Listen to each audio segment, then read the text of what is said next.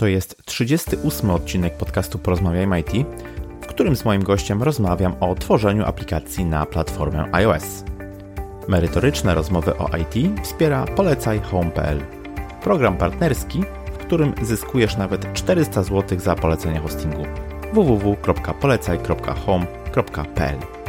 Przypominam, że w poprzednim odcinku poruszyłem temat budowania wizerunku firmy programistycznej. Chcę poszerzać horyzonty ludzi z branży IT i wierzę, że poprzez wywiady takie jak ten, publikowane jako podcasty, będę to robił z sukcesem. Ja się nazywam Krzysztof Kępiński i życzę Ci miłego słuchania. Odpalamy! Cześć, dzisiaj moim gościem jest programista iOS z ponad 9-letnim doświadczeniem oraz lider zespołów programistycznych. Poza programowaniem zainteresowany tematyką produktywności, w ciągłym poszukiwaniu idealnego modelu pracy. Uwielbia elektroniczne gadżety, prywatnie szczęśliwy mąż i ojciec dwójki dzieci.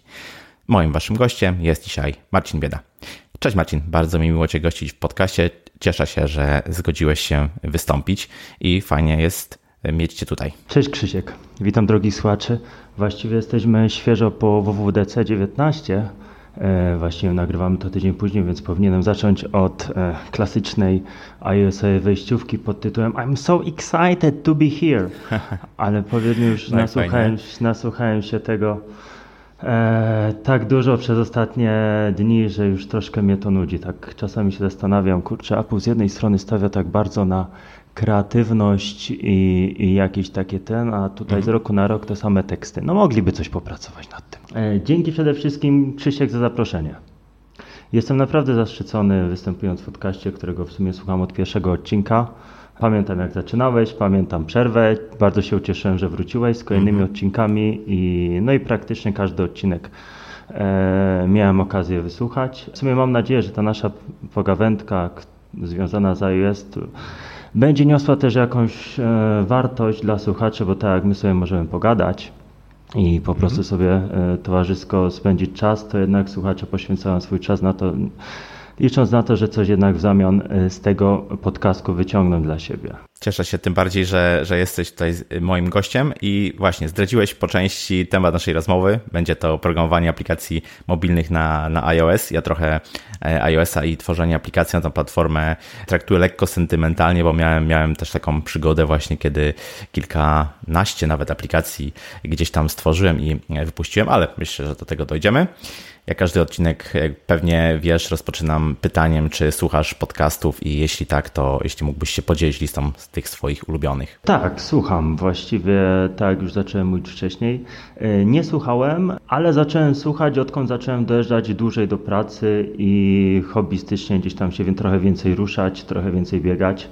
Początkowo eksperymentowałem z audiobookami, e, w które wkręciłem się jak na Polaka przystało w trakcie urlopu e, remontując mieszkanie, ale po prostu w pewnym momencie przerzuciłem się na podcasty i tak już zostało. Mam kilka swoich podcastów, które w miarę regularnie słucham, tak jak ten, w którym dzisiaj mam przyjemność występować. E, Biznes w IT Piotra Budzkiego, podcasty Dominika Juszczyka, e, podcasty Radka Budnickiego, jest miejsce na klasykę jak Michał Szafrański czy Marek Jankowski. Mhm. E, czy też trochę z dala od e, naszej branży, czy ogólnie takich tematów biznesowych, jak na przykład Beyond the Grid Toma Clarksona. Tak, bardzo fajna lista podcastów, również polecam.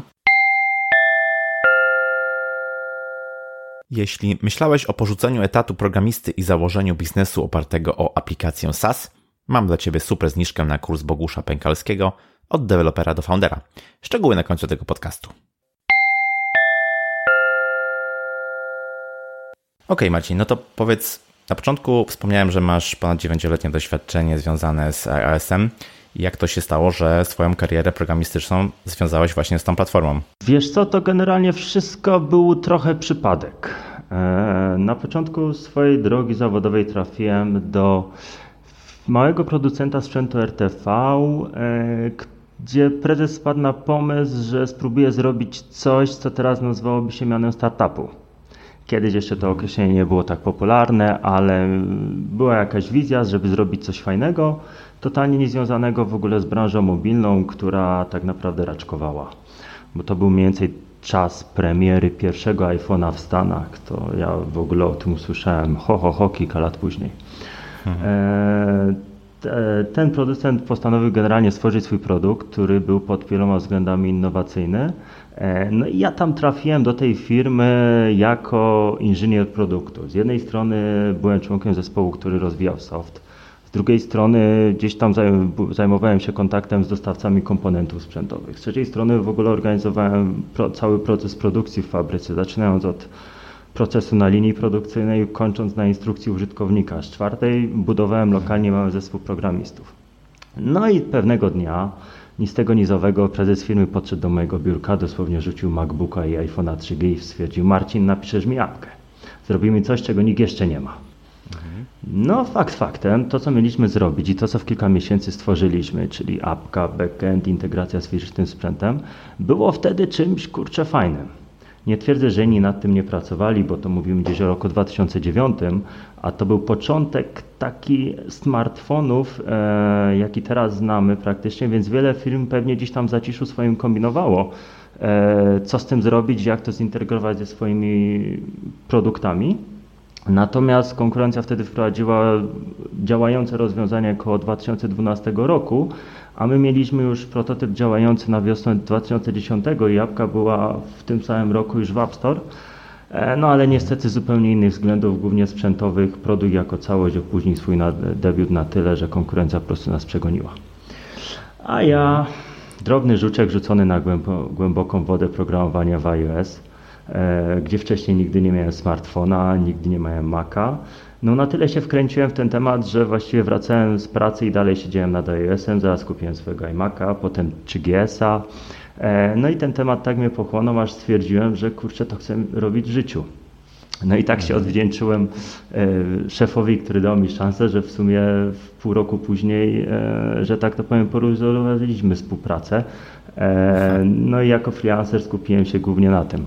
Wspomniałeś o tych, o tych początkach właśnie i to są czasy, kiedy z pewnością programowałeś w Objective-C, jeśli chodzi o iOS-a. Tak. I, I, z tego, co widziałem, to ten język programowania w rankingach popularności języków no i stosunkowo wysoko jeszcze, jeszcze jest. Mógłbyś pokrótce właśnie o nim e, opowiedzieć? I, czy lubisz w nim programować nadal, czy też, no nie wiem, czy jest w ogóle sens uczyć się Objective-C w dzisiejszych czasach? e, wiesz co, no wbrew pozorom i wbrew e, hype'owi na Swifta, którego zresztą doskonale rozumiem, e, no musimy pamiętać, że na rynku są setki tysięcy aplikacji, które kiedyś powstały, mhm. początkowo Objective-C. Więc e, no, dalej w pewnym sensie e, musi być popularnym, bo nie każdy jednak właściciel aplikacji, który kiedyś stworzył pro, produkt chce lub widzi sens przepisywania działającej aplikacji, szczególnie, że wiadomo, czasami po stworzeniu produktu samo utrzymania sprawdza się jedynie do przetestowania z nowymi wersjami systemu operacyjnego, ewentualnie dostosowanie do nowych wymogów stawianych przez Apple, typu nowe urządzenia z noczami, czy jakieś nowe bariery, czy drobne zmiany w frameworkach. E, no, też musimy pamiętać o tym, że to, co mamy w Swiftie dopiero od chwili, czyli ABI Stability, jest w Objective-C latami. To są takie argumenty, żeby ten, mhm. jeszcze, ten język jeszcze trochę pożył i trochę był z nami.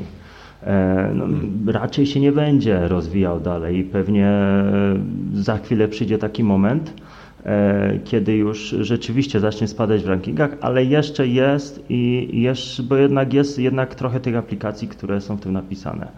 Właściwie zaryzykowałbym wyrażenie swojej opinii, że za jakieś dwa lata zauważymy istotne odejście od Objective-C, bo tak naprawdę ten rok jest taki, tak mi się wydaje, trochę przełomowy dla e, Swifta, bo tak, w tym roku zaczęliśmy od Swifta 5, który wprowadza ABI Stability, a za chwilę w 5.1 ma być e, Module Stability. Dosłownie tydzień temu e, zaprezentowany został Swift UI jako zupełnie nowe podejście do programowania i projektowania interfejsów. E, ten rok 2019 to też rok projektu Catalyst. Mamy trzy duże rzeczy, które Mm, zabierają argumenty przed dalszym korzystaniem z Objective-C. Więc ja tak sobie myślę, rok, dwa, trzy lata i, i, i ten jednak e, spadek, e, powiedzmy, zainteresowanie tym językiem będzie coraz bardziej widoczne. Czyli wróżysz powiedzmy, że jeszcze troszeczkę ten język pożyje, ale rozpoczynanie swojej przygody powiedzmy z iOS-em od Objective-C no nie ma już sensu. Raczej nie. Ujmę to tak. Nie znam dewelopera, który w ostatnich latach zacząłby naukę programowania na iOS i znałby albo się zainteresował dobrowolnie Objective-C. Mhm. Tu, tu, nie ma co ukrywać. Pytałeś y, y, przed chwilą o, o coś więcej o Objective-C, może za chwilę do tego wrócimy, ale no powiedzmy sobie szczerze, skład, składnia tego języka w porównaniu do Swifta jest okropna, jest nietypowa.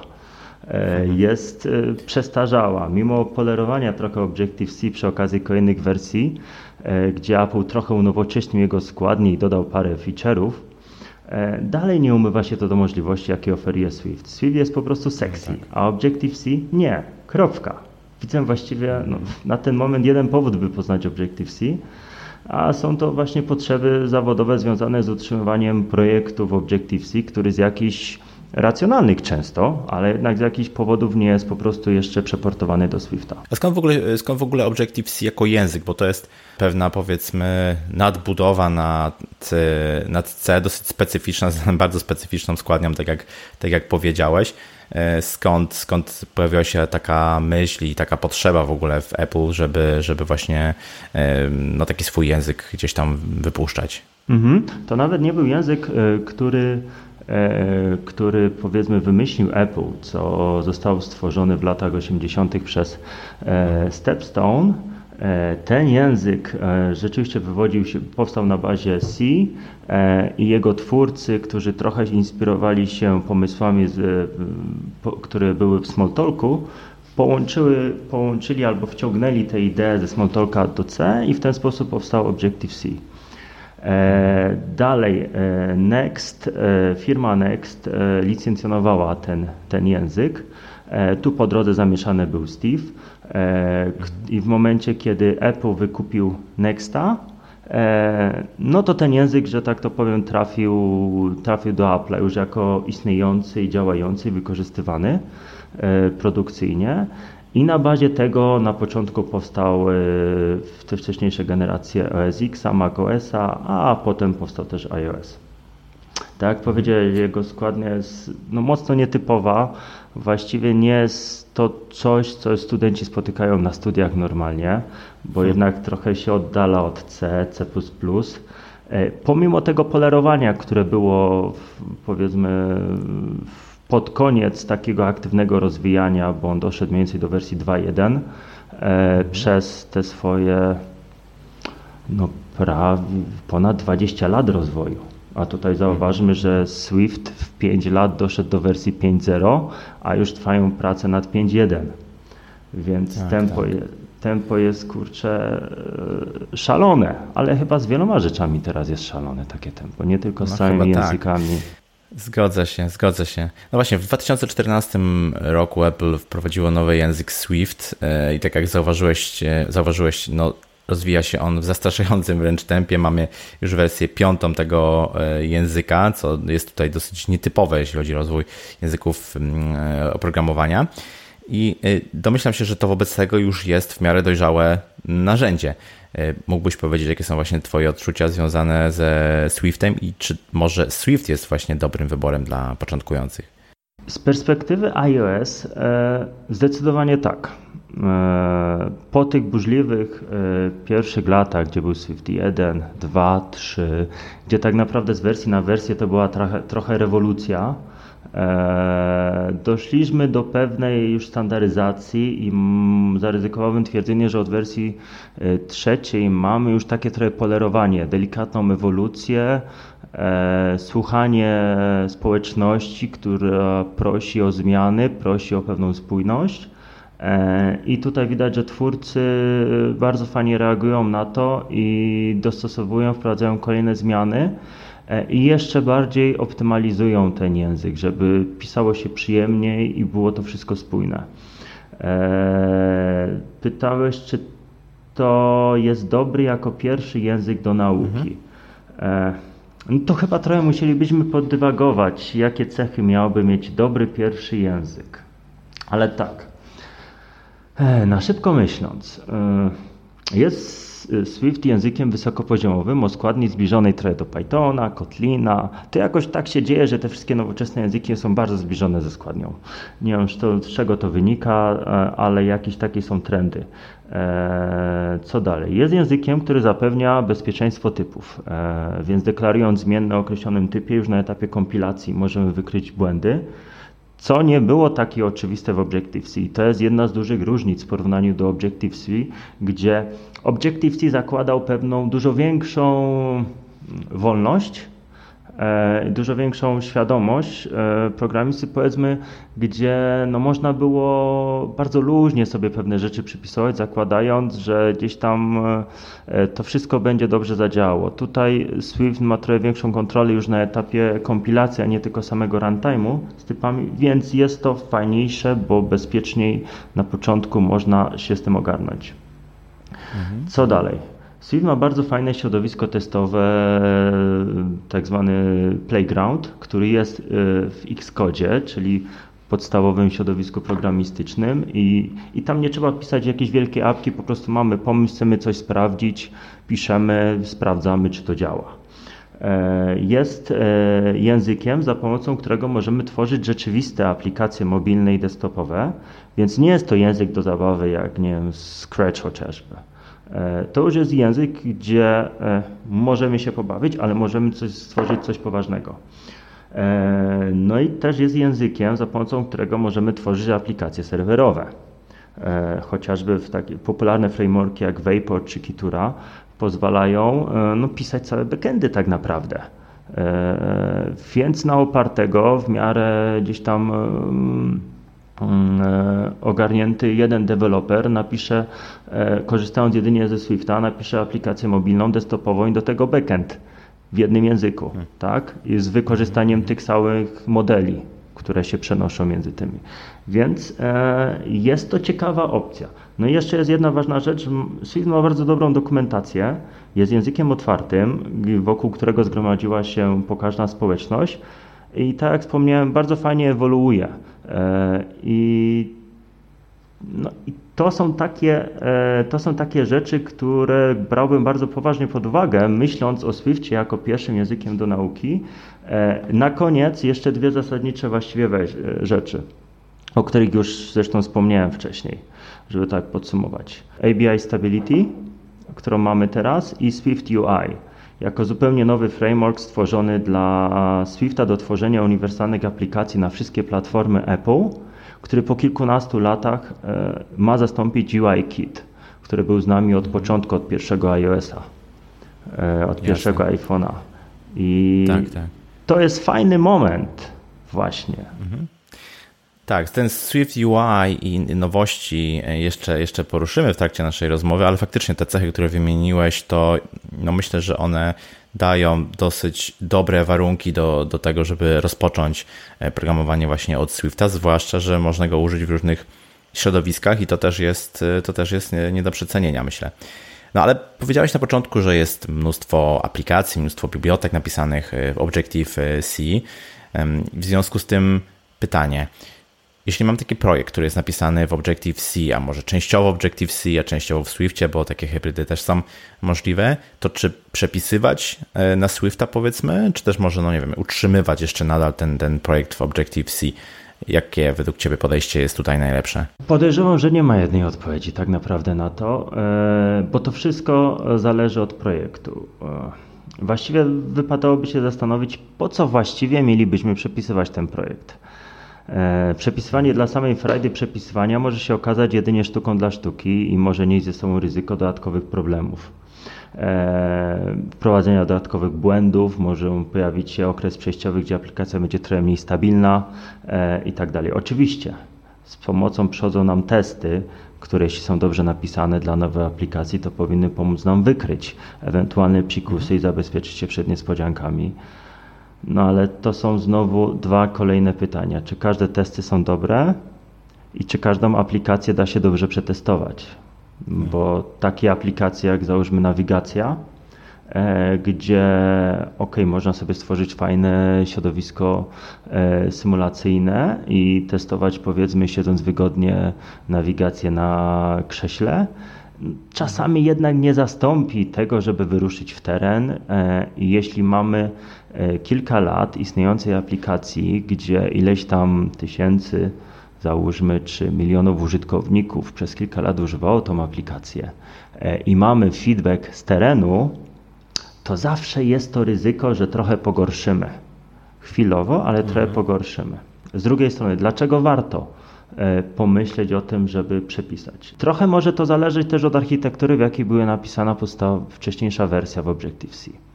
E, to jest też tak, że szczególnie w pierwszych latach e, Apple zalecał projektowanie aplikacji zgodnie ze wzorcami MVC.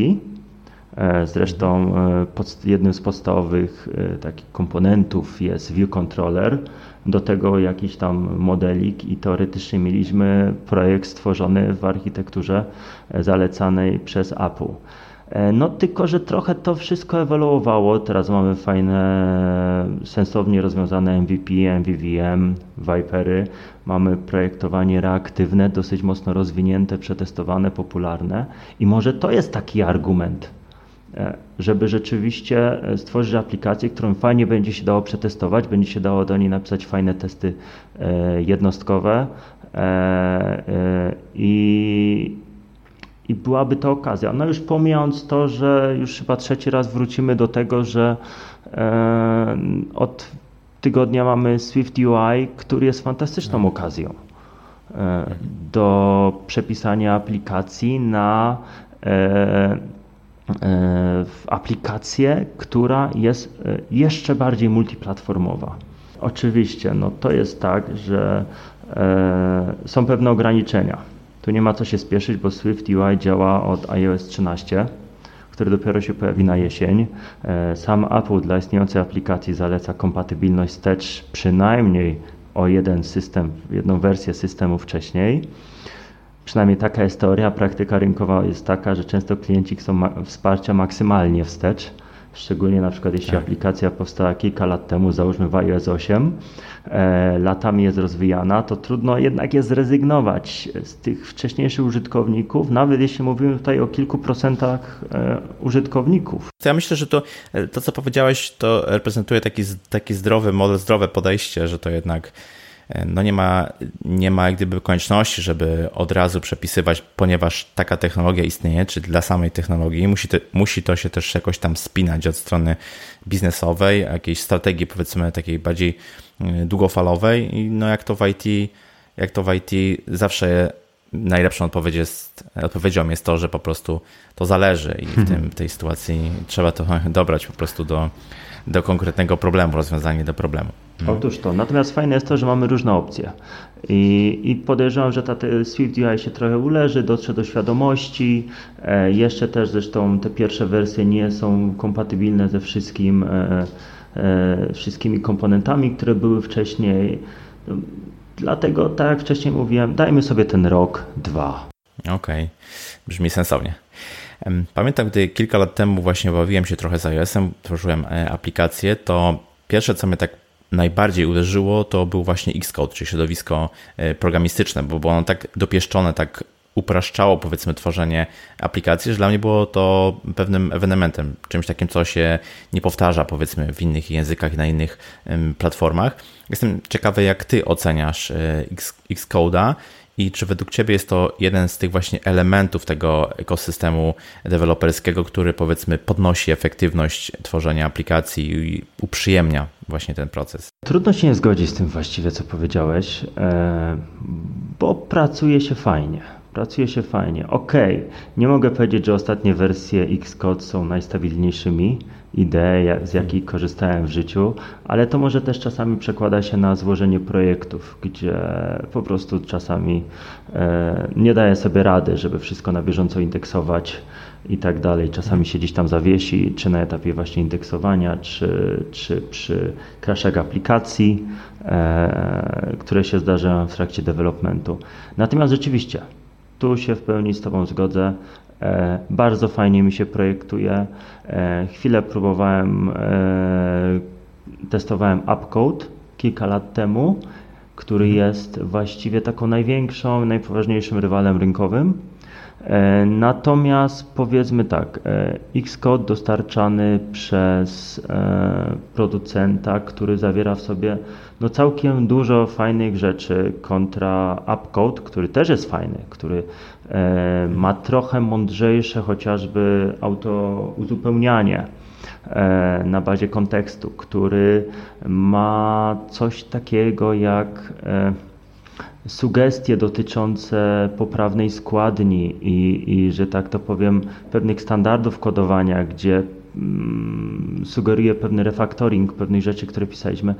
E, no, takie rzeczy powiedzmy niekoniecznie w praktyce są e, warte w każdym przypadku płacenia, e, a mhm. tutaj trzeba podkreślić, że AppCode jest płatną alternatywą.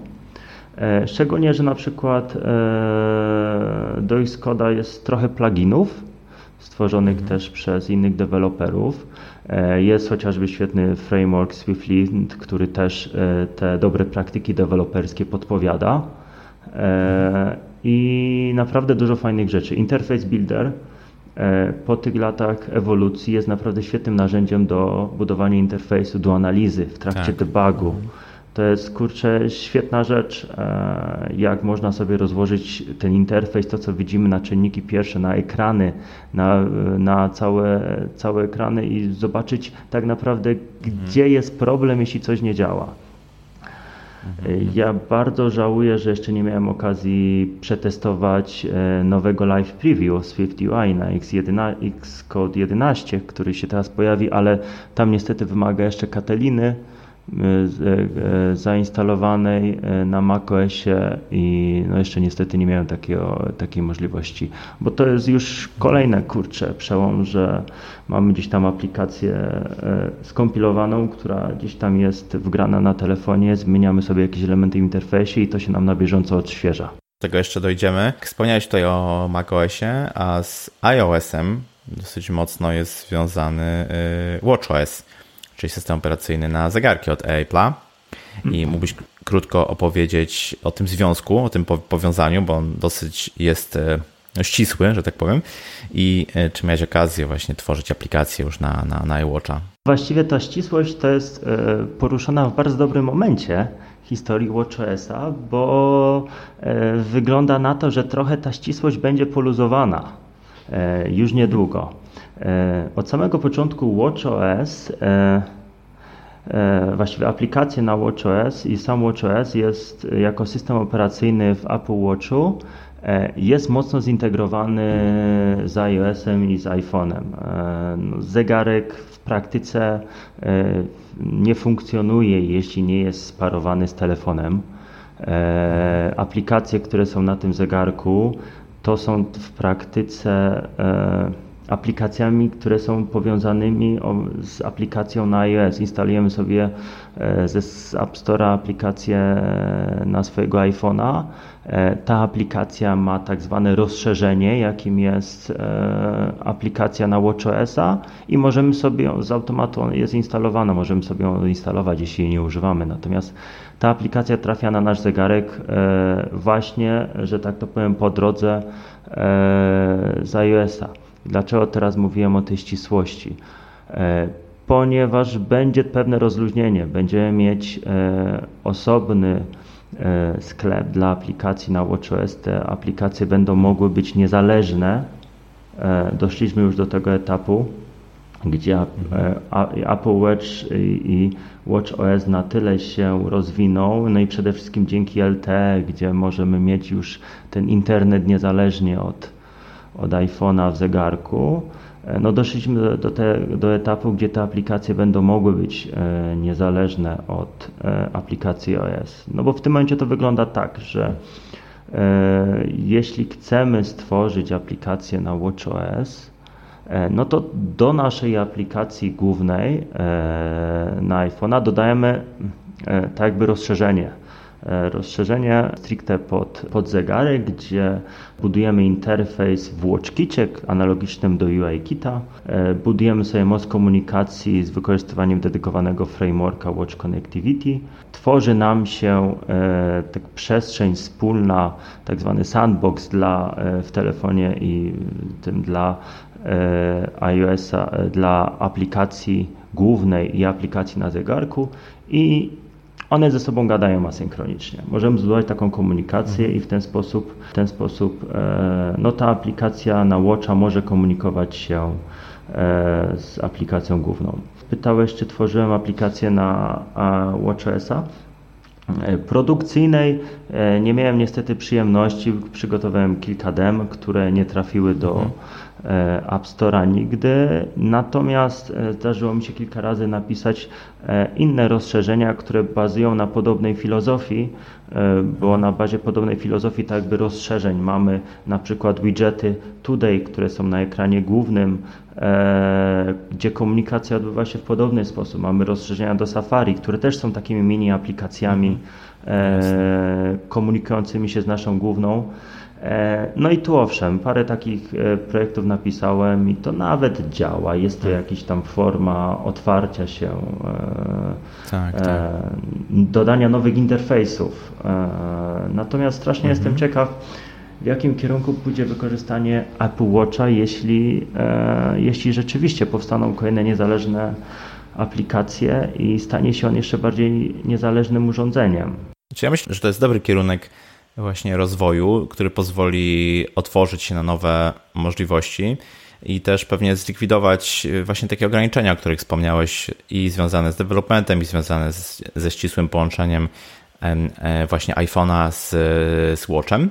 A chciałbym Cię też zapytać o to, jakie jeszcze narzędzia dodatkowe albo frameworki według Ciebie są godne wspomnienia, jeśli chodzi o development na, na iOS-a. Jeśli chodzi o narzędzia, no to już wspomniałem o AppCode trochę, który jest mhm. główną alternatywą dla Xcode'a jako takie środowisko do tworzenia całej aplikacji. Jeśli chodzi o narzędzia i, i, takie kluczowe, no to musimy pamiętać też o, o narzędziach do Continuous e, Integration, e, czyli tutaj mówimy przede wszystkim o Xcode serwerze, o e, Jenkinsie chociażby, z takich najpopularniejszych frameworków, e, no to jest tak, no, e, sam Apple dostarcza dużo frameworków. Właściwie z każdą wersją systemu pojawiają się albo kolejne wersje frameworków, które chcę mocno promować, albo mocno rozwijać, albo zupełnie nowe frameworki dzięki temu, że otwiera ten system i dostarcza nowe możliwości, zarówno programistom, jak i użytkownikom. Po wielu latach e, jest masa no, dużych i popularnych frameworków firm zewnętrznych. E, no nie zaszkodzi tu wspomnieć chociażby nie wiem, o Fabriku z Answersami i Crashlyticsem, jako w pewnym sensie alternatywę dla TestFlighta, którego Apple parę lat temu wykupił i, i wciągnął do, do swojego ekosystemu. Jest Firebase, którego fabryk notabene też stał się częścią ze swoim messagingiem i takim pełnym pakietem związanym z pushami, gdzie dostajemy kompleksowe rozwiązanie dotyczące pushów. E, są świetne bazy e, czasu rzeczywistego jak Realm czy, czy nawet też Firebase'owe. E, jest Swiftlind, o którym wspominałem, który na, dla e, projektów e, robionych w Swiftie daje nam fajną tutaj walidację tego, czy pewne, czy to, co piszemy jest zgodne z jakimiś takimi dobrymi nawykami i standardami rynkowymi. Po prostu, żeby ten kod był trochę bardziej czysty. Są świetne frameworki jak do sieciówki, na przykład Alamo Fire z nakładką moja. Do UI, tu jestem bardzo ciekaw, co się teraz wydarzy, bo był E, były jako alternatywy, tudzież nakładki na auto layout, e, były chociażby Snapki czy Stevia, a teraz pojawi się Swift UI. Jestem ciekaw, czy to trochę nie jest taki e, pocałunek śmierci dla tych frameworków. No zobaczymy. Wiesz wydaje mi się, że mnogość, mnogość tych, tych, tych różnych frameworków, tych różnych dodatkowych narzędzi, które wymieniłeś, świadczy jednoznacznie o tym, że to już jest bardzo dojrzałe środowisko z wieloletnim rozwojem i w związku z tym no, można, można naprawdę wybrać to, co jest potrzebne w danym, w danym e, projekcie. Mhm, zdecydowanie.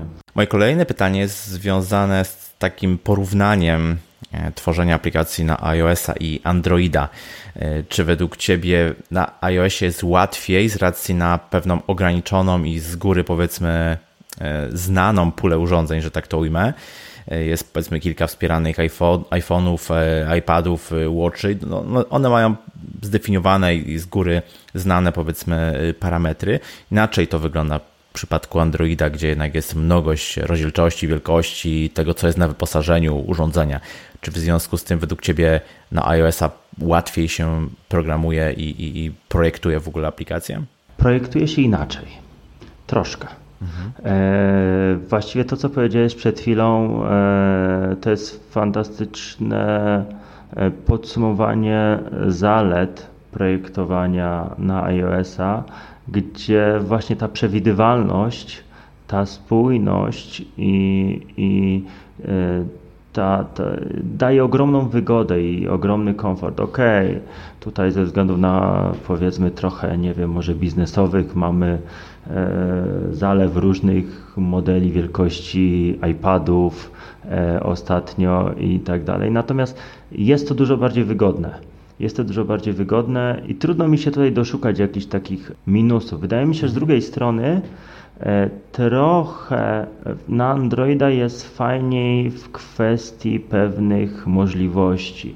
Teraz to się owszem trochę zmienia, natomiast latami było tak, e, że na Androida deweloper miał dużo większą wolność, e, dużo większy dostęp do pewnych usług, do przestrzeni gdzie na iOSie wiele rzeczy było zabronionych albo wymagało dodatkowych uprawnień i to dawało pewne ograniczenia. Ja nie mówię, że to było złe, e, bo to w jakiś mhm. sposób zabezpieczało użytkowników, natomiast e, to czasami komplikowało e, dalej troszkę komplikuje życie deweloperom, jeśli na przykład mamy sytuację taką, że no, trzeba dostarczyć e, aplikacje na dwie platformy, które mają określoną spójną funkcjonalność. Nagle się okazuje, że na Androida da się to łatwo zrobić, a na iOS mhm. już niekoniecznie, bo aplikacja idzie do tła i po paru minutach się zamraża i na przykład trudno ją wybudzić, żeby nie wiem, w tle zsynchronizowała się Bluetoothem z innym urządzeniem, bo jasne, po prostu śpi jasne. i ten.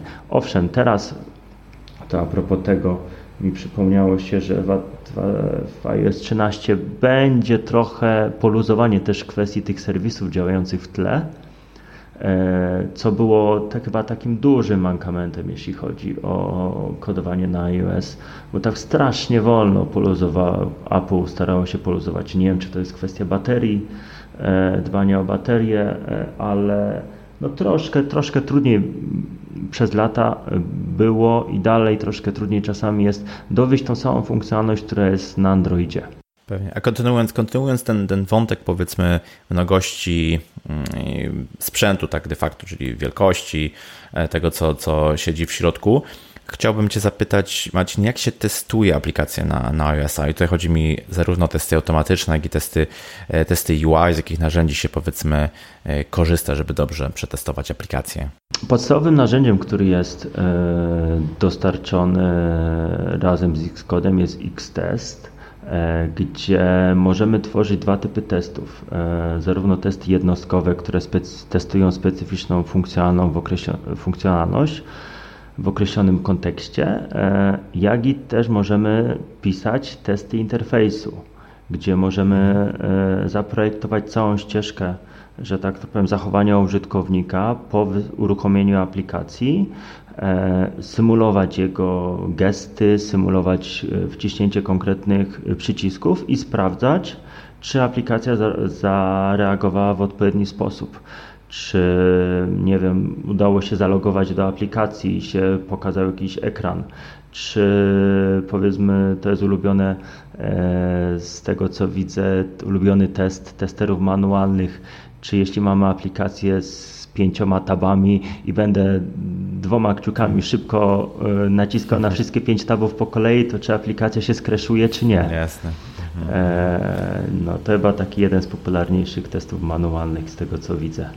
E, ale no jest to e, dzięki testom UI możemy dużo rzeczy właśnie przetestować automatycznie. Jeśli to sobie jeszcze zepniemy w continuous integration. Postawimy sobie jakiś serwer, który nam z każdą zmianą w kodzie przeleci te wszystkie testy, spróbuje zbudować na początku aplikację, przeleci te wszystkie testy, jeszcze na przykład e, podpiszę ją już od razu, żebyśmy mogli ją wykorzystać do tego, żeby mhm. zaktualizować w sklepie, jeśli to będzie ta wersja. E, no to dużo rzeczy nam się może upraszczać tak naprawdę. I, I to programowanie staje się dużo szybsze i dużo wygodniejsze. Brzmi to nieźle. Znaczy, brzmi to nieźle. Ja jeszcze ci przeszkodzę. Brzmi Jasne. to nieźle. Brzmi to nieźle, przy czym no, też nie zastąpimy wszystkich e, testów e, mhm. e, automatycznymi, bo e, to jest też tak, że testy automatyczne też pisze człowiek. Często hmm. pisze je deweloper, który pisze aplikację. E, I czasami może mu braknąć pewnej e, wyobraźni, w jaki sposób użytkownik może używać tą aplikację, którą na przykład no tak. E, może tester na bazie swojego doświadczenia z innymi aplikacjami mieć. I także Pewnie. wydaje mi się, że jeśli chodzi o testy, to najlepszy tak naprawdę jest miks testów automatycznych i manualnych. Też tak mi się wydaje. Chciałbym teraz przejść w kierunku y, projektowania y, aplikacji od strony interfejsu użytkownika. Jak rozumiem, zajmują się też tym designerzy. Mm, Apple posiada coś takiego jak y, Human Interface Guidelines, czyli zbiór właśnie takich wytycznych, jak takie interfejsy powinny wyglądać, jak się powinny zachowywać. Czy jest to coś, co w praktyce się po prostu przestrzega, stosuje, czy to jest zbiór powiedzmy jakichś takich wytycznych, które sobie wiszą i nikt za bardzo z tego nie korzysta? Warto z tego korzystać. To jest tak, to jest bardzo fajny właśnie zbiór e, zaleceń i wytycznych, który zawiera zresztą masę przykładów e, omawiających klasyczne sytuacje i w jaki sposób powinniśmy projektować aplikacje i dlaczego warto e, z tego korzystać. Właściwie e, z dwóch powodów e, zasadniczo. E, to nie jest powiedziane tak, że musimy dosłownie wszystko małpować jak małpki, bo w tym momencie praca designerów nie miałaby sensu. E, natomiast warto mieć to z tyłu głowy i warto projektując interfejs do aplikacji e, wiedzieć o tych guidelinesach, bo jednak użytkownik, który mm, jest użytkownikiem danego systemu operacyjnego, danego systemu mobilnego, jest przyzwyczajony do pewnych elementów interfejsu, jest przyzwyczajony do pewnych gestów, jest przyzwyczajony do pewnego zachowania. Zresztą Apple, pomimo różnych wpadek, stara się, by swoje aplikacje, których masa jest zainstalowana na dzień dobry po uruchomieniu, działały w podobny sposób. I użytkownik mhm. przyzwyczajony do pewnych gestów, do pewnych elementów interfejsu, jak pop-upy, jak e, taby, jak e, nawigacja, która idzie w odpowiednim kierunku, umiejscowienie chociażby przycisku wstecz czy coś. Jeśli on jest przyzwyczajony do tego, to w pewnym sensie, korzystając z Twojej aplikacji, też spodziewa się, żeby to było w podobnym miejscu. Jeśli przycisk, mhm. który e, jest strzałką w lewo, żeby ten przycisk cofał się do wcześniejszego ekranu, a nie wiem, wysyłał, inicjował akcję share, czy coś robił dziwnego. Pewnie. Dlatego e, to jest taka sytuacja trochę win-win.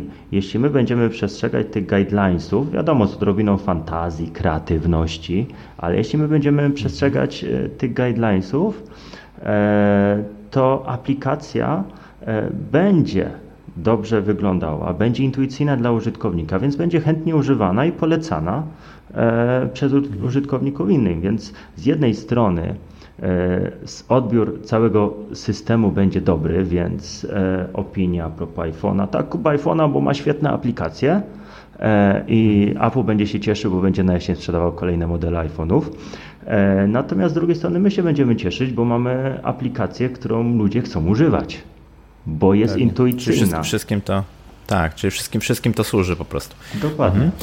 Ok, powiedzmy, że mamy już dobrze zaprojektowany interfejs, y, mamy aplikację, która została zaprogramowana, przechodzimy do deploymentu. Y, powiedz proszę, jak właśnie wygląda ten proces deploymentu aplikacji i czy zawsze celem tego deploymentu musi być e, sklep e, z apkami od Apple'a, czyli App Store? E, w większości przypadków tak. Tutaj mamy tą sytuację, że, o której zresztą trochę coraz głośniej jest w mediach ze względu tam naciski na osób, którym się nie podoba prowizja nakładana przez Apple za dystrybucję mhm. aplikacji w App Store. Natomiast głównym i w pewnym sensie domyślnym celem aplikacji po jej stworzeniu jest deployment w App Store. Więc tak, w momencie, kiedy mamy aplikację, która jest zbudowana, jest przetestowana, E, to podkreślam, przetestowana, to ją sobie zarchiwizujemy za pomocą takiej dodatkowej aplikacji, która w tym momencie jest zintegrowana z kodem. Kiedyś nie była, teraz jest, niedługo znowu podobno nie będzie. E, application Loader, mam tu na myśli tą aplikację. Za jej pomocą możemy ten zarchiwizowany build przesłać e, do automatycznej weryfikacji do, w usłudze App Store Connect, kiedyś iTunes Connect, teraz App Store Connect. Jest to portal dystrybucyjny aplikacji w App Store. W tym portalu, jeśli mamy już stworzoną aplikację, możemy e, stworzyć tak jakby tą aplikację, nadając jej nazwy, nadając jej ID, opisać ją i przygotować różne e, materiały e, marketingowe, zdjęcia, słowa kluczowe. No i też przede wszystkim możemy tam załadować tego builda po to, żeby ta aplikacja mogła zostać opublikowana. E, możemy określić jej cenę. Tutaj też pamiętajmy, że nie jest tak, że możemy sobie dowolną cenę wymyślić typu 37 zł i 15 groszy, bo są pewne stawki, które są, e, e, że tak to powiem, skończone. Tam jest kilkanaście tak. stawek różnych, które są potem przeliczane na konkretne walory, ale to są detale. To są detale. Pewnie. Wrzucamy, deployujemy. Powiedziałeś, że najczęściej to jest właśnie e, App Store jako, jako ta mm, powiedzmy domyślna destynacja naszego e, deploymentu. E, są też inne, prawda? Możemy, możemy takie środowisk testowych sobie, tak. sobie deployować. Mhm. Mhm. Mógłbyś pokrótce powiedzieć, co tutaj jeszcze jest dostępne? Jasne, zacząłem od końca właściwie, chociaż powinienem od początku, to jeszcze, jeszcze powiem coś a propos końca i potem wrócę do początku. Okay, skoro już idziemy od tyłu. E, więc tak, App Store jest głównym podstawowym kierunkiem, gdzie możemy deployować aplikacje.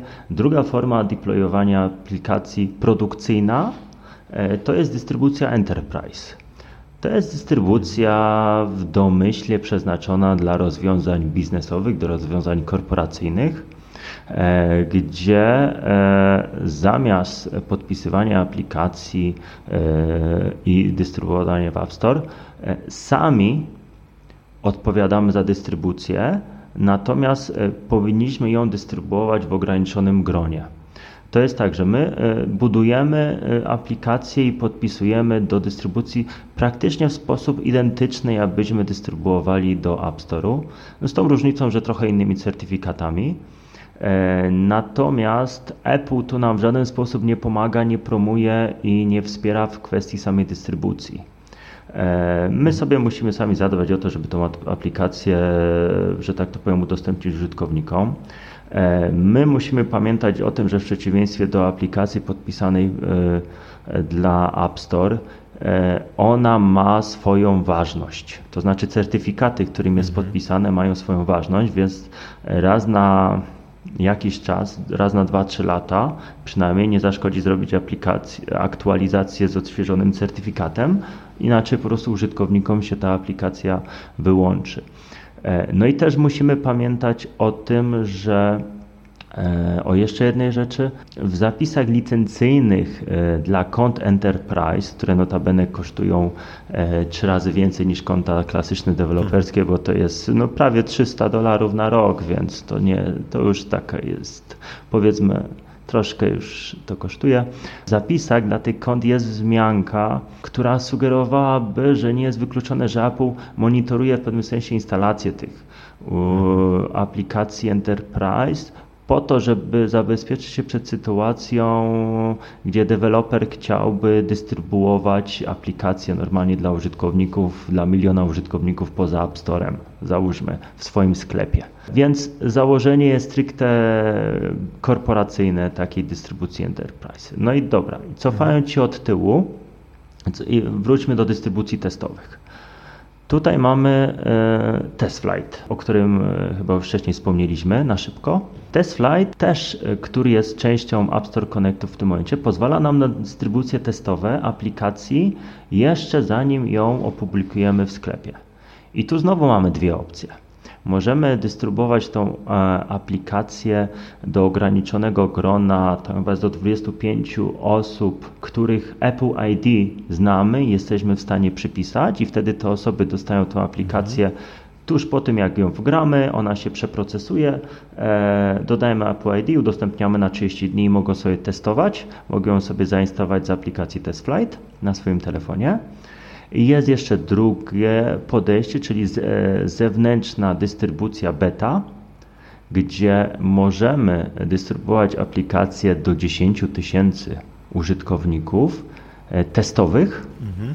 I to się często zdarza, kiedy jakieś duże aplikacje na przykład mają swoje kolejne wersje, e, duże wersje, to poprzedzają je dystrybucją beta, gdzie użytkownicy mogą się zapisać swoim adresem e-mail i też mogą przez te 90 dni testować i wracać z feedbackiem do, e, do kreatorów Jasne. tejże aplikacji. To weźmy może pod lupę tą najbardziej popularną formę dystrybucji, czyli właśnie do, do App Store'a. Tak jak wspomniałeś, przechodzimy przez taki etap review, przez taki etap e, sprawdzania naszej aplikacji, zanim zostanie ona właśnie udostępniona i będzie widoczna e, w App Store. Jakiś czas temu mm, pamiętam, że to był taki proces, który trwał dosyć długo, nieraz nawet do dwóch tygodni się czekało na zaakceptowanie, powiedzmy, czy, czy przejrzenie tej, tej aplikacji. Powiedz, czy nadal tyle to trwa i co, te, co właściwie jest e, sprawdzane? Na szczęście nie.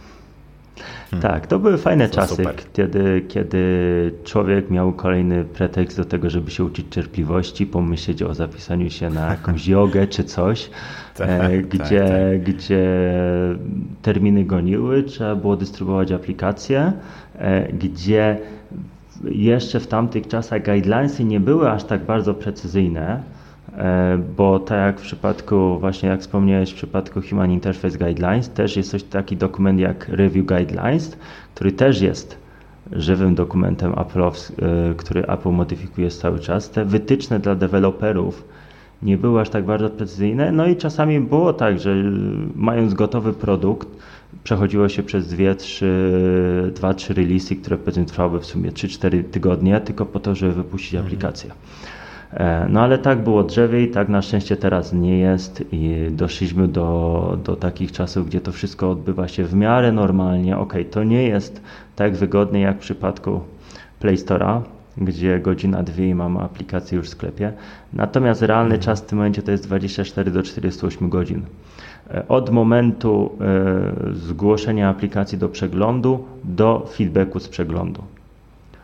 Mm. To już jest bardziej do zaakceptowania. Tak mi się wydaje. No zdecydowanie. Okej, okay, to na, na co się zwraca uwagę podczas tego procesu? Co jest powiedzmy oceniane? Mhm. Wiesz co, e, Apple tutaj jest bardzo restrykcyjne, jeśli chodzi o pewne rzeczy, których e, nie chce mieć w sklepie. Nie chce mieć mhm. Często, nie chce mieć często rzeczy związanych z hazardem, nie chce mieć kontentu dla dorosłych. Kiedyś były wojny o aplikacje, które w jakiś tam sposób to oszukiwały i tak dalej. E, nie chcę mieć już e, aplikacji, które wnoszą bardzo mało lub nic. E, jak kilka lat temu była taka akcja, gdzie hurtowo w krótkim czasie wyrzucili ileś tam tysięcy czy dziesiątek tysięcy aplikacji, które nie wiem, jedyną ich funkcjonalnością było pierdzenie albo udawanie, że ktoś tak, pije piwo. Tak, pamiętam.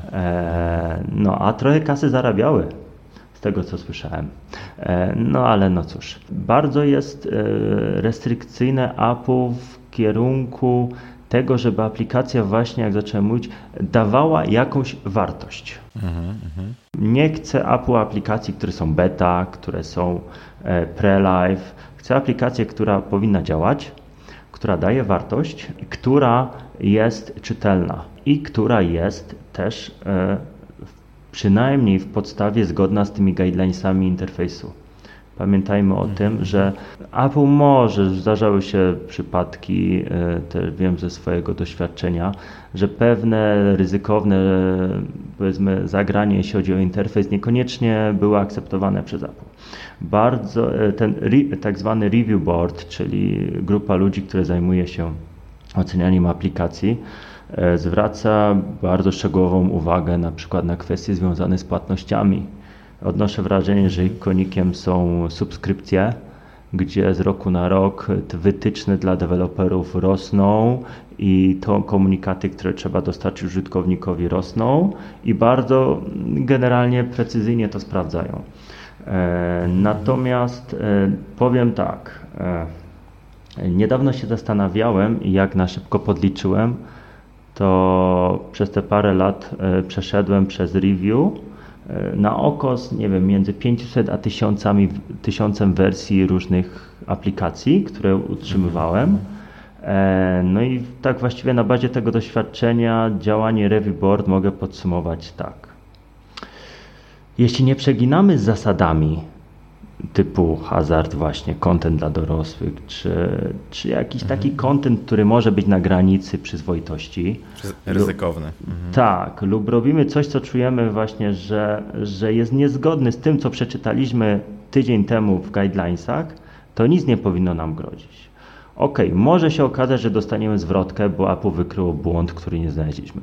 Może dostaniemy zwrotkę, bo nam powie, ale tu zapomnieliśmy wspomnieć o, o tej o takiej informacji, trzeba zaktualizować opisówkę. Może dostaniemy jakąś tam zwrotkę inną, ale e, to nie jest tak, że powinniśmy się spodziewać nie wiadomo czego. Natomiast e, jeszcze jedna taka historia może, jeśli mam jeszcze chwilę, e, mała anegdota z mojej przeszłości, bo też, też e, Musimy pamiętać, że przez to, że, nad, że w pewnym etapie jest ten review board, jest ten przegląd aplikacji przez Apple, to ja już sam doświadczyłem e, e, takiej historii w przeszłości, gdzie dosyć mocno przegląd, e, że tak to powiem, zachwiał w ogóle całym modelem biznesowym startupu. Biznesem. Mhm. Tak, bo była taka sytuacja, że rozwijałem aplikację mobilną dla startupu, która dostarczała content.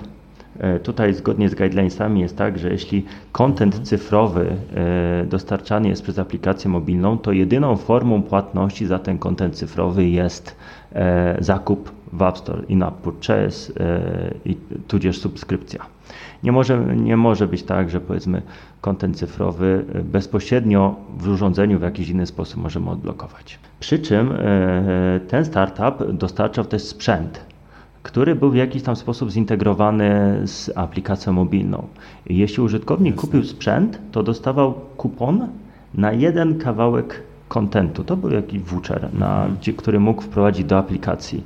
I sobie e, nie cały kontent, ale jeden kawałek kontentu w ramach podziękowania za kupno urządzenia odblokować. I przez mhm. lata ten model się kręcił. Aż do momentu, kiedy Apple stwierdził, ej, ale wy w ten sposób oszukujecie nas. To nie może być tak, żeby e, użytkownik mógł sobie coś kupić i wprowadzić kod, wprowadzić voucher i dostał kontent za darmo, bo to jest niezgodne z guidelinesami. No i teraz mamy sytuację taką, że wyprodukowane są dziesiątki tysięcy opakowań z kodami, e, gdzie cały model biznesowy, cała reklama i tak dalej sprawdza się do tego, kurczę, no tak, zapłać coś tam, albo za to samo dostaniesz urządzonko i ten i korzystaj, odblokuj sobie. Co więcej, konkurencja stosowała podobne zagrywki. To nie, no dobra. Zagrywki może jest określeniem pejoratywnym. Ten sam e, model biznesowy model. mhm. tak, stosuje, stosowało kilka różnych firm. E, no i generalnie kilka tygodni, wiele rozmów, wiele maili, wiele rozmów telefonicznych z, e, z review boardem odbyliśmy. No skończyło się na tym, że startup musiał zrobić drobny pivot i przemodelować biznes, A, tak, żeby dało się wypuścić kolejne aktualizacje. No pewnie, nie ma sensu walczyć e, z Apple. Jesteśmy świeżo po e, WWDC, czyli dorocznej konferencji Apple'a dotyczącej głównie właśnie oprogramowania. Jedną z nowości jest iPad OS, czyli nowa wersja iOS-a przeznaczona dla iPadów. Y, czy według Ciebie to jest jakiś znaczący y, trend, czy też może no kolejny system do utrzymania dla y, deweloperów? Czy to jest dobry pomysł według Ciebie? Kurczę, myślałem, że mnie spytasz o stopkę za tysiąc dolców. A, no dobra. no to, to już wiele memów widziałem. Tak, tak. No, no jest to jakaś forma reklamy, wypuścić coś, tak. o czym będzie głośno o tobie przez długi czas. Dokładnie. E, dobra. Pewnie. Pytasz, czy jest to dobry pomysł, e, by, by utrzymywać kolejny system? No to jest tak. To jest tak. E, pamiętajmy przede wszystkim o tym, że nie każda aplikacja ma sens na każdym systemie operacyjnym. Raczej aplikacji do rejestrowania treningów biegowych nie portuje się na iPada czy na Maca, mhm. więc, e, więc mamy możliwość jako deweloperzy i, i właściciele aplikacji dać coś więcej, ale no nie musimy z tego korzystać. To, że ktoś nie wiem, rozdaje darmowe lody, to nie musimy od razu 8 gałek zjeść. Natomiast mhm. e, czy utrzymywanie kilku systemów e, w ramach jednego projektu, bo podejrzewam, że o to głównie Ci chodziło, tak. w ramach jednego mhm. projektu e, w Xcode załóżmy, e, to jest dobry pomysł. To trochę zależy od samego interfejsu, od funkcjonalności, od wymagań stawionych przez design względem zarówno aplikacji na iOS, jak i aplikacji na iPadOS. E, I względem też tego, na ile ten interfejs odbiega od schematów Apple, które dają pewne automatyczne rozwiązania, e, które dostosowują się do, w zależności od systemu. Tak naprawdę to znowu sprowadzamy się do tego magicznego, to zależy. No jest też tak, że przychodzi nam trochę z pomocą Swift UI. E, przychodzi przede wszystkim z myślą o nowych projektach, które mielibyśmy zaczynać w przyszłości. No, nawet też w kwestii refaktoringów tych projektów, które mamy obecnie, przychodzi nam z pomocą SwiftUI, które wiele tego automatyzmu między platformami może nam zapewnić. E, ale nie zawsze to będzie rozwiązanie, na które sobie w ogóle możemy pozwolić. No, często w praktyce jest tak, że design nam narzuca takie wytyczne, co do e, interfejsu, co do Pixel Perfect, co do e, drobnych detali, że nie możemy skorzystać z systemowych komponentów, tylko trzeba pisać swoje, e, które są w 80-90% identyczne jak systemowe, ale mają drobne zmiany, które, są, które spełniają wymagania klienta, wymagania designu. E, więc to trochę zależy. W przypadku prostszych aplikacji, w przypadku tych aplikacji, które w większości korzystają z natywnych komponentów, które dostosowują się powiedzmy automagicznie do, e, do interfejsów zalecanych w danym systemie operacyjnym, podejrzewam, żebym się w ogóle tym nie przejmował i traktował to jako mhm. no dobra, no tam odznaczymy sobie jeszcze jednego ptaszka w Xcode, wprowadzimy, tak, dokładnie, nie zaszkodzi, wprowadzimy parę ifów i to będzie działało przypadku dużego projektu, e, no już tu nie wiem, czy to jest najlepszy pomysł i tu już bym się nie wiem, czy bym się nie zastanawiał nad tym, żeby core wydzielić do osobnego frameworka i po prostu rozwijać mhm. kilka niezależnych projektów na każdą platformę, jeśli te aplikacje, jeśli te różnice między aplikacjami są tak duże. No pewnie. Czyli znów wracamy do tego, żeby dobierać rozwiązanie do problemu, który, który mamy i nie ma tutaj jednoznacznej odpowiedzi. A podczas, podczas tej konferencji, o której e, mówiłem, usłyszeliśmy również o projekcie e, Catalyst. Mógłbyś krótko powiedzieć, co to jest za projekt i jak on wpływa na development aplikacji mobilnych? To już to, co w, w trakcie naszej rozmowy wspomnieliśmy, tylko nie nazwaliśmy, z tym słynnym ptaszkiem dodatkowym mm -hmm. w Xcode nowym, to jest e, Project Catalyst, e, który jest pochodną zeszłorocznego Marcipana, e, który był średnio odebrany przez pierwszych testerów, natomiast Apple wyciągło wnioski, troszkę podpolerowało, przemianowało nazwę i mamy projekt, który z założenia powinien pozwolić nam w bardzo wygodny sposób przeportować istniejącą aplikację albo uniwersalną, albo aplikację dedykowaną dla iPada pod e, macOS. E, Apple oczywiście chwalił się na konferencji, że czasami wystarczy kilka godzin, żeby dużą istniejącą aplikację dostosować do macOSa. No ja podejrzewam, że w praktyce to będzie tak naprawdę troszkę więcej pracy. Natomiast jest to coś dużego, E, dla twórców aplikacji mobilnych. Jest to coś, e, czymś pewnie martwią się twórcy aplikacji na macOSa, bo nagle e, pojawia im się dosyć duża konkurencja i nagle ich kompetencje i wieloletnie doświadczenie w projektowaniu interfejsów w natywnych pod Maca trochę traci na znaczeniu, szczególnie w Swift UI, które za nich to zrobi trochę automatycznie.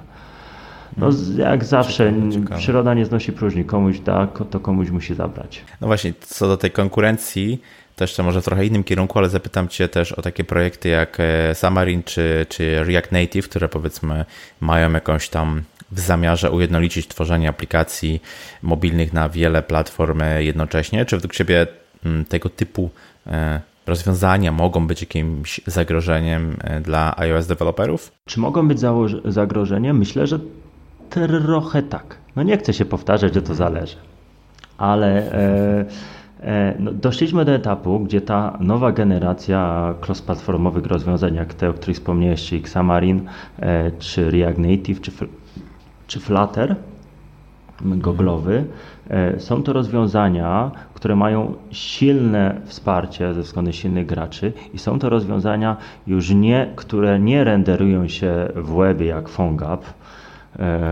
tylko one albo się e, kompilują do systemowych komponentów, albo nawet już pomijając ten etap jak Flutter, który renderuje swoje komponenty.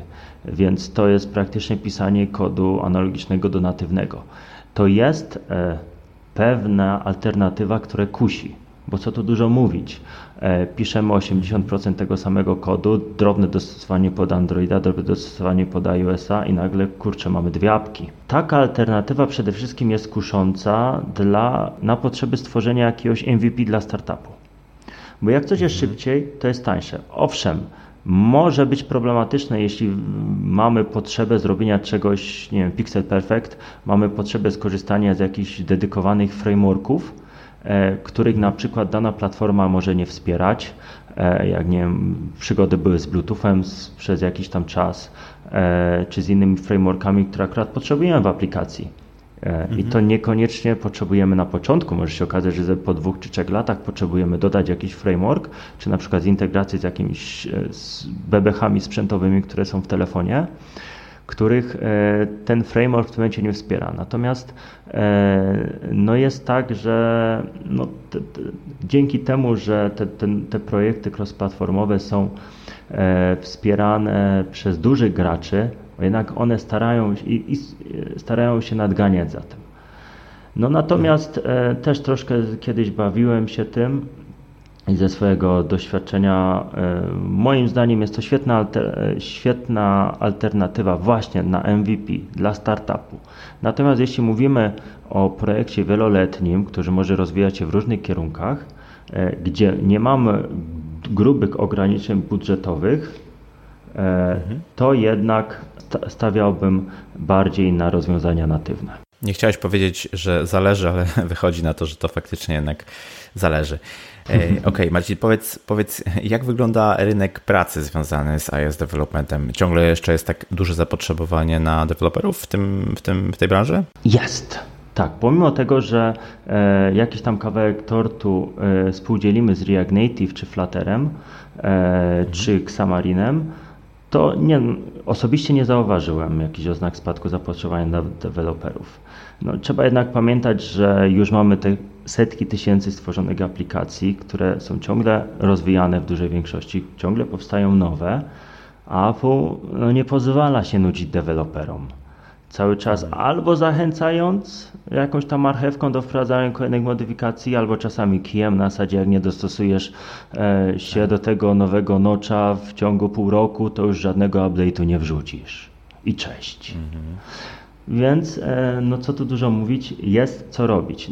Natomiast to, co zauważyłem, e, to to, że troszkę jest mniejsze zapotrzebowanie na totalnych juniorów. Ale nie wiem, czy to jest związane generalnie z iOS-em, czy ogólnie jest taki trend, e, że jednak firmy potrzebują juniorów już z jakimś doświadczeniem, coś pomiędzy juniorem a regularem tak żeby powiedzmy opuścić ten etap inwestycji w totalną niewiadomą, że tak to brzydko nazwie, szczególnie, że mm -hmm. jednak ten koszt stanowiska dla iOS dewelopera jest ciut większy zazwyczaj niż w przypadku innej no tak. technologii. Tak. Nie da się ukryć, nie da się ukryć. Ja myślę, że tak jak tutaj słusznie zauważyłeś, to jest taki trend, który obserwuję nie tylko właśnie w, w iOSie, to jest raczej taki, taki trend w ogóle związany z, z branżą e, software developmentu, że faktycznie to zapotrzebowanie na juniorów, mam wrażenie, w przeciągu ostatniego półtora roku e, po prostu e, spadło, być może z takich przyczyn, o których powiedziałeś. A na zakończenie powiedz proszę Marcin, gdzie zmierza programowanie na, na iOS? Jakie są trendy, które widzisz na najbliższą przyszłość? Gdzie zmierza programowanie na iOS? Trochę jest to nie wiadomo, ponieważ trochę zależy od tego, jakie e, będą trendy rynkowe, jaka technologia się przyjmie bardziej.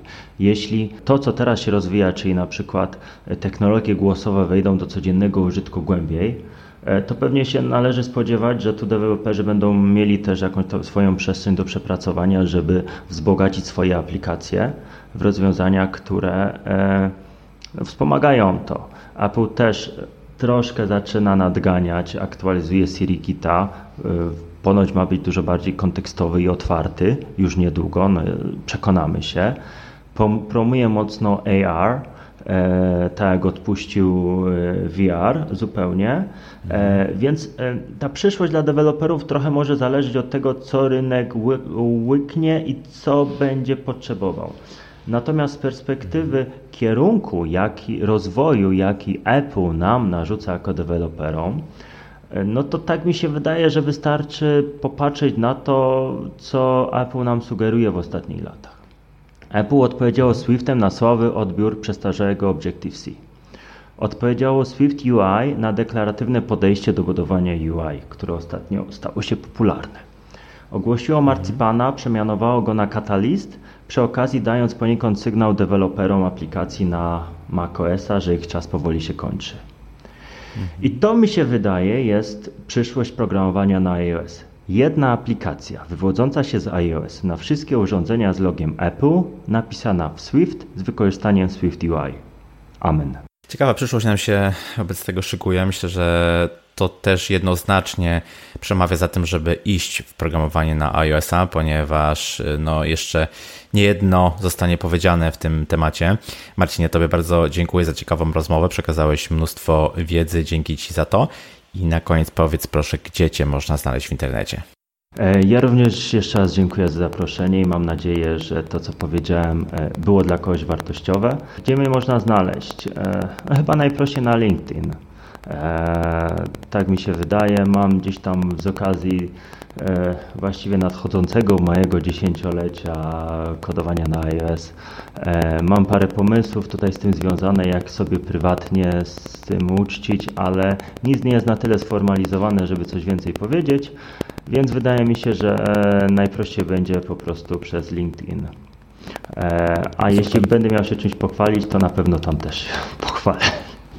Zatem zapraszamy na LinkedIna Marcina. Jeszcze raz wielkie dzięki, no i do usłyszenia. Cześć. Do usłyszenia. I to na tyle z tego, co przygotowałem dla Ciebie na dzisiaj. Kilka lat temu popełniłem parę aplikacji na iOS i była to świetna zabawa. Dzisiaj ten ekosystem jest bardziej rozwinięty i do dyspozycji mamy fajne narzędzia. Polecam programowanie mobilne, gdyż z pewnością jest to przyszłość. A teraz obiecana informacja o kursie od dewelopera do foundera. Bogusz przygotował kod rabatowy. Ten kod to Porozmawiajmy o IT pisane razem i wielkimi literami. Sprzedaż kursu ruszy bądź ruszyła 8 lipca 2019 roku i potrwa tylko do 12 lipca.